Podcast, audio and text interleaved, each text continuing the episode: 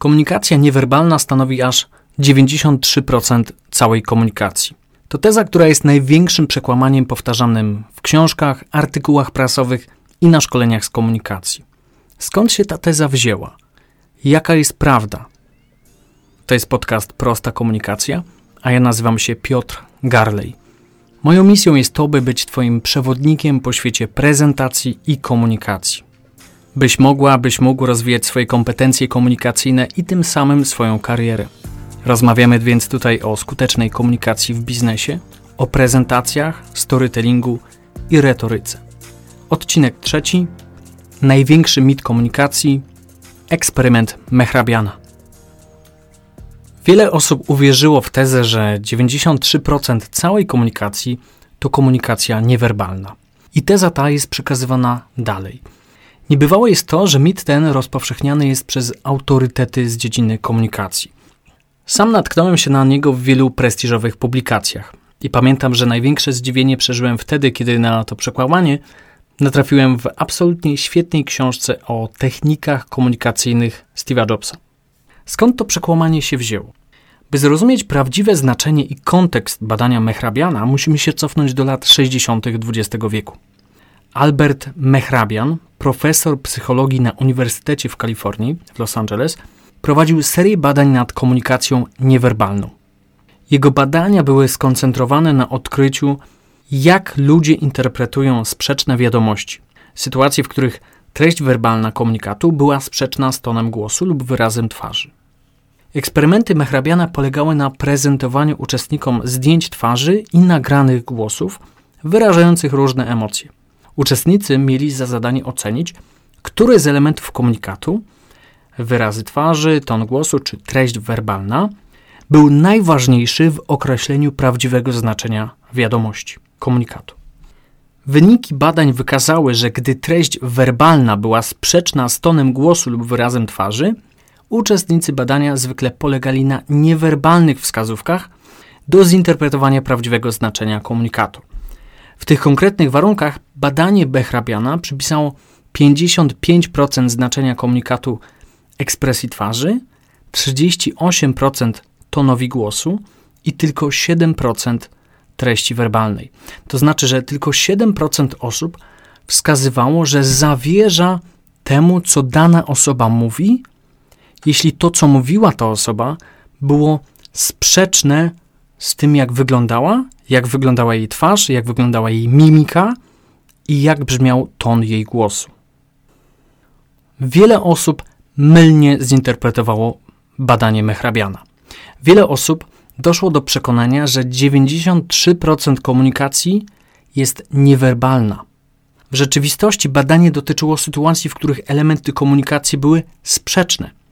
Innymi słowy, wyniki badań nie mogą być stosowane do wszystkich form komunikacji, ale jedynie do sytuacji, w których werbalne i niewerbalne elementy komunikatu są ze sobą sprzeczne.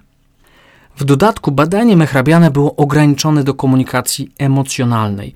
Nie obejmowało wielu innych aspektów komunikacji, takich jak przekazywanie informacji, negocjacje, naukę czy rozwiązywanie problemów. W takich kontekstach treść werbalna często ma o wiele większe znaczenie. Innym ważnym aspektem, który często jest pomijany, jest fakt, że w badaniach Mehrabiana uczestniczyły tylko kobiety, a konkretnie studentki Uniwersytetu w Kalifornia w mniej więcej tym samym wieku z tego samego kręgu kulturowego. Różne rzeczy można więc powiedzieć o tym eksperymencie, ale na pewno nie to, że była w nim grupa reprezentatywna dla całej populacji. Zatem, jak interpretować badanie Mehrabiana? Przede wszystkim powinniśmy pamiętać, że jest ono istotne w ściśle określonym kontekście sprzecznej komunikacji emocjonalnej.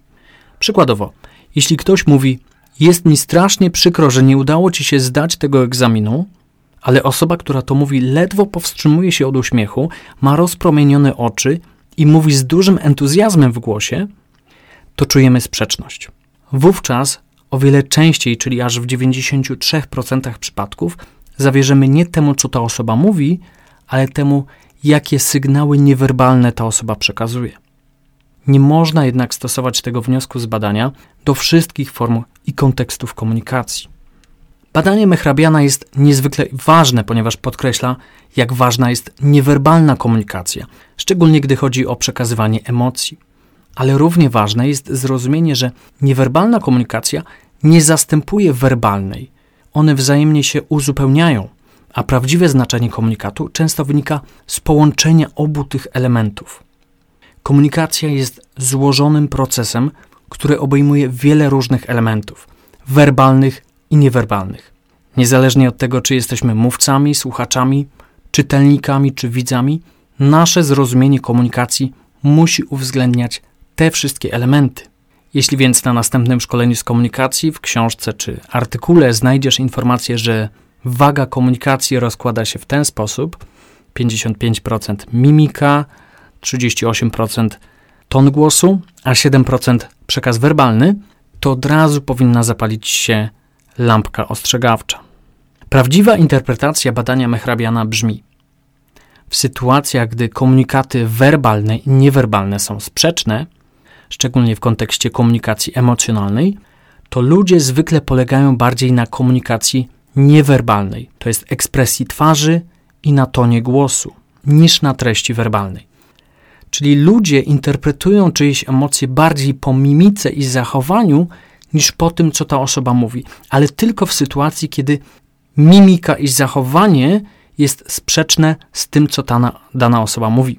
Przykładowo, jeśli ktoś mówi, wszystko jest ok, jestem bardzo zadowolony z tego prezentu, ale widzimy, że osoba ta ma napiętą twarz, przygaszony głos i wzrok spuszczony w dół, to bardziej zawierzymy nie deklaracji, ale sygnałom niewerbalnym. Mimo, że badanie Mehrabiana nie udowodniło, że 93% komunikacji jest niewerbalnej, to jednak nie można zaniedbywać znaczenia komunikacji niewerbalnej. Niewerbalne elementy, takie jak ekspresja twarzy, gesty, postawa ciała, ton głosu, mogą znacząco wpływać na sposób odbioru naszych przekazów. Oto więc kilka podpowiedzi, jak sprawić, by komunikacja niewerbalna była spójna z komunikacją werbalną. Na przykładzie świata prezentacji. Po pierwsze, bądź autentyczny, autentyczna i po prostu nie kłam. Szukaj słów, które będą zgodne z Twoimi przekonaniami i emocjami, gdyż sprzeczność między tym, co mówisz, a jak się zachowujesz, może być łatwa do odszyfrowania. Zamiast więc mówić, o, jak się cieszę, że Cię widzę, kiedy widzisz kogoś z firmy, za kim nie przepadasz, lepiej powiedz, co tam u Ciebie, jak na wakacjach. Prowadź rozmowy tak, by skupiały się na tematach niekontrowersyjnych, neutralnych, co do których nie musisz kryć swoich intencji. Po drugie, bądź świadom, jak się komunikujesz niewerbalnie. Pomaga zobaczenie się z zewnątrz. Spojrzenie na siebie po nagraniu na telefonie to najprostszy i najtańszy sposób. Uwaga, nie pomaga lustro. Jeśli robisz próbę prezentacji przed lustrem, to śmiem twierdzić, że nie wypadniesz dobrze. Większość osób nie może się skupić na swojej wypowiedzi, bo dekoncentrują się swoim widokiem w lustrze. Pomocna jest za to informacja zwrotna fachowca. Jeśli masz możliwość, weź udział w warsztacie, gdzie trener komunikacji czy wystąpień publicznych ze zewnątrz podpowie ci, co ewentualnie mógłbyś, mogłabyś zmienić. Często, kiedy pokazuję nagrania uczestnikom swoich warsztatów, mówią: Co? Ja coś takiego robię? Ja robię takie miny? Czemu mi nikt o tym nie powiedział? Niestety, wielu nietypowych tików i natręctw nie jesteśmy nawet świadomi. Ale pierwszym etapem, by je wyeliminować, jest to, by sobie je uświadomić. Po trzecie, jeśli wygłaszasz prezentację, to utrzymuj kontakt wzrokowy z publicznością. To ma ogromne znaczenie i szereg korzyści. Wspomnę tylko o kilku najważniejszych. Patrzenie w oczy odbiorcom buduje więź i zaangażowanie po stronie publiczności. Jednocześnie, jeśli patrzymy w oczy innym, to dajemy wyraz temu, że jesteśmy wiarygodni, autentyczni, pewni siebie. Po czwarte, unikaj zbyt nerwowych gestów lub niekontrolowanych ruchów, które mogą odwrócić uwagę od treści Twojej prezentacji. Chcesz wyglądać naturalnie podczas prezentacji? Wyobraź sobie, że jesteś w wodzie i każdy ruch musisz wykonać powoli, płynnie, tak jakby woda stanowiła opór dla Twoich gestów. Efekt będzie taki, że będziesz się wydawać, jakbyś był, była opanowany, opanowana. Tak jakbyś miał czy miała wszystko pod kontrolą. slow motion. To działa na scenie bardzo dobrze. Po piąte, wykorzystuj gesty. Nie chowaj rąk do kieszeni ani za siebie. Zblokowane dłonie powodują, że mimo woli nasze ciało i tak będzie chciało wykonać jakiś ruch.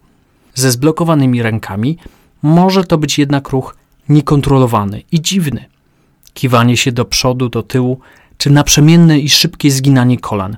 Widziałem takie przypadki wielokrotnie. Po szóste, zachowuj odpowiednią postawę ciała. Wyprostuj się, patrz przed siebie, a barki do tyłu. Zachowaj jednak umiar.